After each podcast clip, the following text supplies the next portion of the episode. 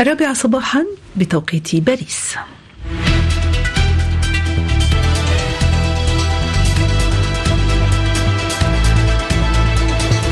أطيب تحياتي الصباحية من مونتي كارلو الدولية ونبدأ إرسالنا لهذا اليوم الثلاثاء السابع والعشرين من فبراير بفترة البث المباشر. فترة بث مباشر على مدار أربع ساعات إخبارية سياسية فنية ثقافية ورياضية. يرافقكم من وراء الميكروفون نجوى بن مبارك ورولا أبي حيدر. صباح الخير نجوى. صباح الخير رولا وسيتناوب معك رولا في فترتنا الصباحية على نشرات الأخبار نبيل شوفان. المواجيز توفينا بها الزميلة لميس زين الدين أما القراءة في الصحف الفرنسية والعربية فستكون اليوم مع محمد بوشيب على الهندسة والتقنيات جاد الخوري وفي التنسيق سليم فريني والآن مع أولى نشراتنا الإخبارية معك رولا أبي حيدر. ونستهل النشرة بالعناوين.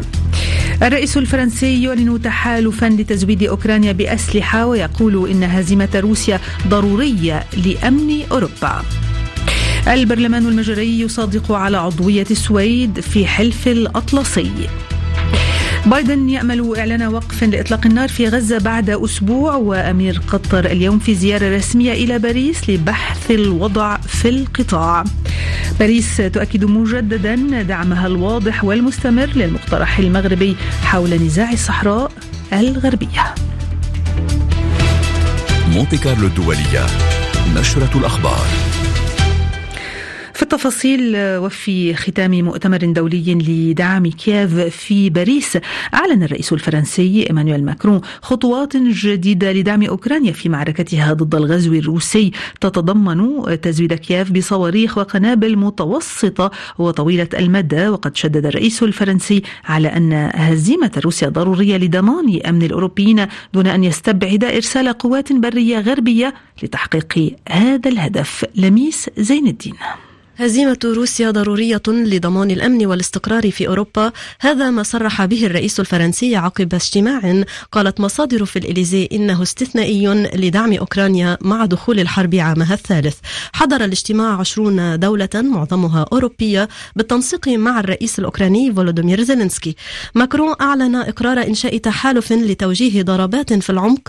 تحالف سيزود أوكرانيا بصواريخ متوسطة وطويلة المدى مشيرا إلى أن المجتمعين لا يريدون خوض حرب مع الشعب الروسي لكنهم مصممون على إبقاء التصعيد تحت السيطرة.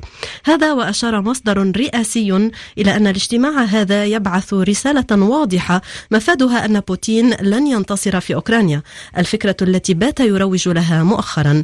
الرئيس الأوكراني فولوديمير زيلينسكي أيد تحذير ماكرون بشأن تصعيد الصراع مشددا على ضرورة التأكد من عدم قدرة بوتين على القضاء على إنجازات الدول الدول الحليفة وأن عدوانه لن يشمل دولا أخرى.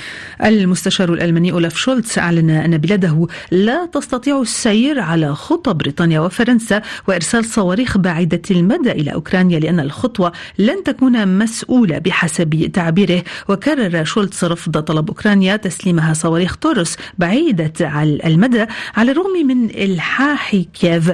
تسامنا وفي خطوة تزيل آخر عقبة في طريق توسيع الحلف العسكري بعد الغزو الروسي لأوكرانيا صادق البرلمان المجري على انضمام السويد إلى حلف شمال الأطلسي عودة إلى لميس زين الدين. وضع التصويت المجري النهاية لتأخير استمر شهورا لعملية استكمال التحول في السياسة الأمنية للسويد. هذه الخطوة تأتي عقب زيارة رئيس الوزراء السويدي أولف كريسترشون والتي وقع خلالها البلدان صفقة أسلحة. كريسترشون قال إن بلاده تنضم اليوم إلى حلف شمال الأطلسي من أجل الدفاع بشكل أفضل عن كل ما تؤمن به وكي تدافع عن حريتها وقيمها جنبا إلى جنب مع الآخرين.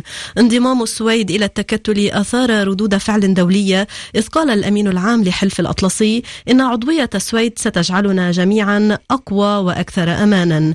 المتحدثة باسم البيت الأبيض رحبت من جانبها بهذه الخطوة.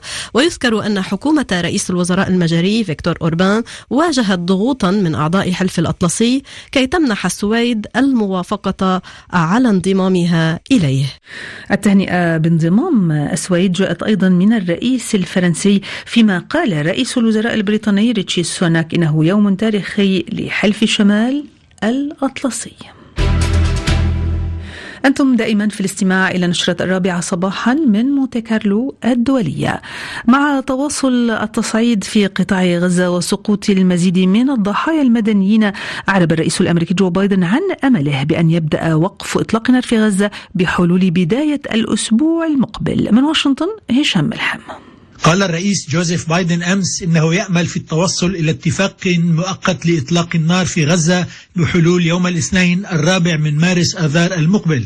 يمكن أن يؤدي إلى توقف القتال في القطاع لمدة ستة أسابيع قبل بداية شهر رمضان في غضون أسبوعين. وهذه هي المرة الأولى التي يتحدث فيها الرئيس بايدن علنا بمثل هذا التفاؤل ويوفر مثل هذا الإطار الزمني للاتفاق. وجاء تصريح الرئيس بايدن في أعقاب جولة محادثات في الدوحة قطر بين ممثلين عن أجهزة الاستخبارات الإسرائيلية ومسؤولين استخباراتيين مصريين وقطريين. ويعتقد أن اقتراب بداية شهر رمضان هو من الحوافز الرئيسية التي دفعت بالمفاوضين الأمريكيين والمصريين والقطريين لتكثيف المحادثات لتعليق القتال في شهر الصيام على خلفية التدهور الخطير في توفر الإمدادات الغذائية والطبية لسكان القطاع. هشام ملحم واشنطن مونتي كارلو الدولية. والرئيس الفرنسي إيمانويل ماكرون يستضيف اليوم أمير قطر الشيخ تميم بن حمد الثاني في باريس في أول زيارة رسمية لمسؤول قطري إلى فرنسا منذ 15 عاما فيما سيتمحور الاجتماع حول مناقشة الأزمة الراهنة في غزة وفق ما أعلنت الرئاسة الفرنسية. وعلى صعيد التصعيد مع لبنان قصفت طائرات حربية إسرائيلية وادي البقاع فقتلت ثلاثة من حزب الله في أكثر هجماتها عمقا داخل لبنان حتى الآن منذ اندلاع القتال لم يتأخر حزب الله في الرد على الضربة التي استهدفت بعلبك إذ نفذ عملية ضد مقر قيادة فرقة جولان وأطلق نحوها 60 صاروخا. من جنوب لبنان فالنتينا سمعان. أعلن حزب الله قصف مقر قيادة فرقة الجولان في نفح بستين صاروخ كاتيوشا وذلك ردا على القصف الإسرائيلي الذي استهدف موقعا للحزب في بعلبك وأسفر عن مقتل أربعة أشخاص وجريحين. عمليات المقاومة الإسلامية طالت أيضا ثكنة برانيت وتجمعا لجنود إسرائيليين في محيط حدب يارين إضافة إلى مستعمرة شتولة وموقعي الرادار ورويسات العلم وفي التطورات الميدانية جنوبا استهدفت مسيرة إسرائيلية سيارة في بلدة المجادل في سور سقط على إسرها شخصان. في حين قال رئيس البلدية أن إسرائيل اختالت إحدى الشخصيات على طريق البلدة الرئيسي. وقصفت المدفعية الإسرائيلية أطراف بلدات عدة. في حين شن الطيران الحربي سلسلة غارات عنيفة على عيت الشعب. إلى ذلك نعى حزب الله اثنين من عناصره. فالنتينا سمعان جنوب لبنان مونتي كارلو الدولية. هذا واختتمت محكمة العدل الدولية بلاهاي جلسات الاستماع بخصوص الاحتلال الإسرائيلي للأراضي الفلسطينية. فعلى مدى أسبوع توالت جلسات الاستماع داخل مقر محكمة العدل الدولية عبرت خلالها أكثر من 52 دولة عن موقفها من الاحتلال الإسرائيلي للأراضي الفلسطينية. منيا بالعافية. في اليوم الأخير من جلسات الاستماع في محكمة العدل الدولية بلاهاي حذر المتحدثون من أن استمرار الاحتلال الإسرائيلي للأراضي الفلسطينية يشكل خطرا شديدا على الاستقرار في الشرق الأوسط وخارجه.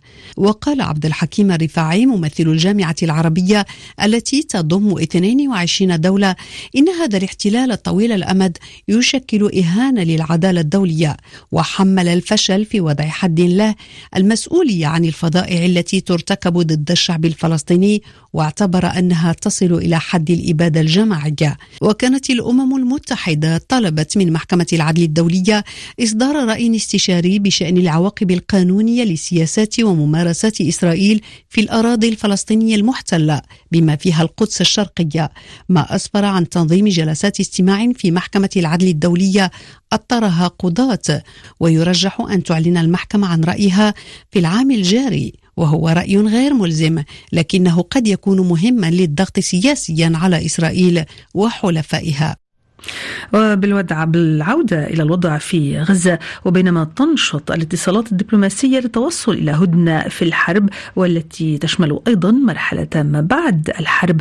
قدمت الحكومة الفلسطينية استقالتها بالأمس إلى الرئيس محمود عباس الذي قبلها.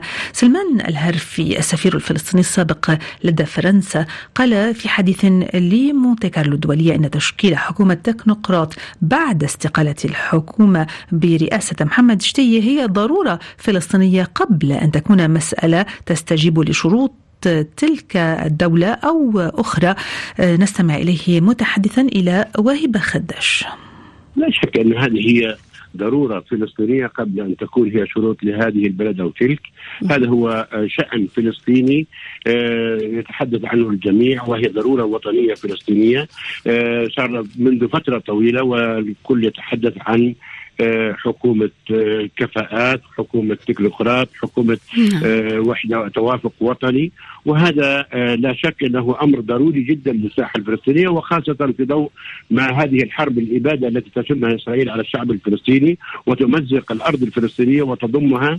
وهذه الإجراءات الإسرائيلية من جرائم الحرب التي ترتكب في القدس وفي الضفة الغربية وخاصة جريمة الحرب الإبادية في قطاع غزة لابد من لم صف الفلسطيني وتوحيده وبمواجهة هذه حرب الإبادة وهي باتت ضرورة فلسطينية ينشدها الجميع سواء في الفصائل الفلسطينية أو في المجتمع نعم. الوطني الفلسطيني سلمان الهرفي السفير الفلسطيني السابق لدى فرنسا الولايات المتحدة أشادت بالإصلاحات التي تنفذها السلطة الفلسطينية باعتبارها خطوة نحو إعادة توحيد الضفة الغربية مع قطاع غزة بعد استقالة رئيس الوزراء الفلسطيني مع اقتراب الحرب في السودان من إكمال عامها الأول كشفت الإدارة الأمريكية عن تعيين مبعوث خاص إلى هذا البلد وقال وزير الخارجية الأمريكي أنتوني بلينكن إن عضو الكونغرس السابق توم بيريليو سيتولى هذه المهمة.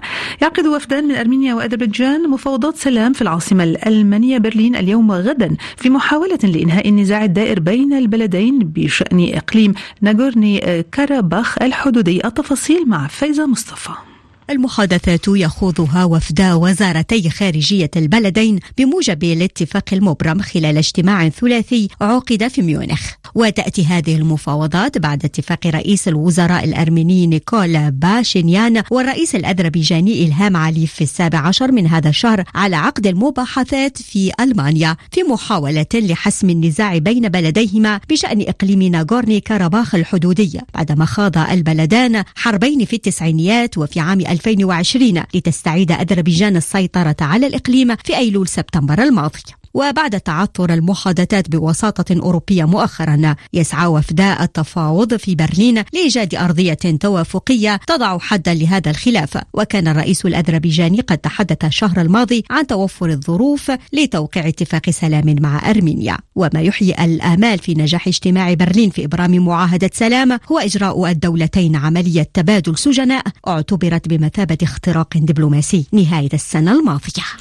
إلى المغرب وخلال مؤتمر صحفي عقب محادثات مع نظيره ناصر بوريطة شدد وزير الخارجية الفرنسي ستيفان سيجورني على دعم باريس الواضح والمستمر لمقترح الحكم الذاتي الذي تطرحه الرباط لحل نزاع الصحراء الغربية جلال المخفي من الرباط. بعد جمود دام سنوات الرباط وباريس تفتحان صفحة جديدة في علاقتهما التاريخية من خلال إعلان وزير الخارجية الفرنسي من العاصمة الرباط عقب مباحثات مع نظيره المغربي عما وصفه بدعم باريس الواضح والمستمر للمقترح المغربي للحكم الذاتي لحل نزاع الصحراء.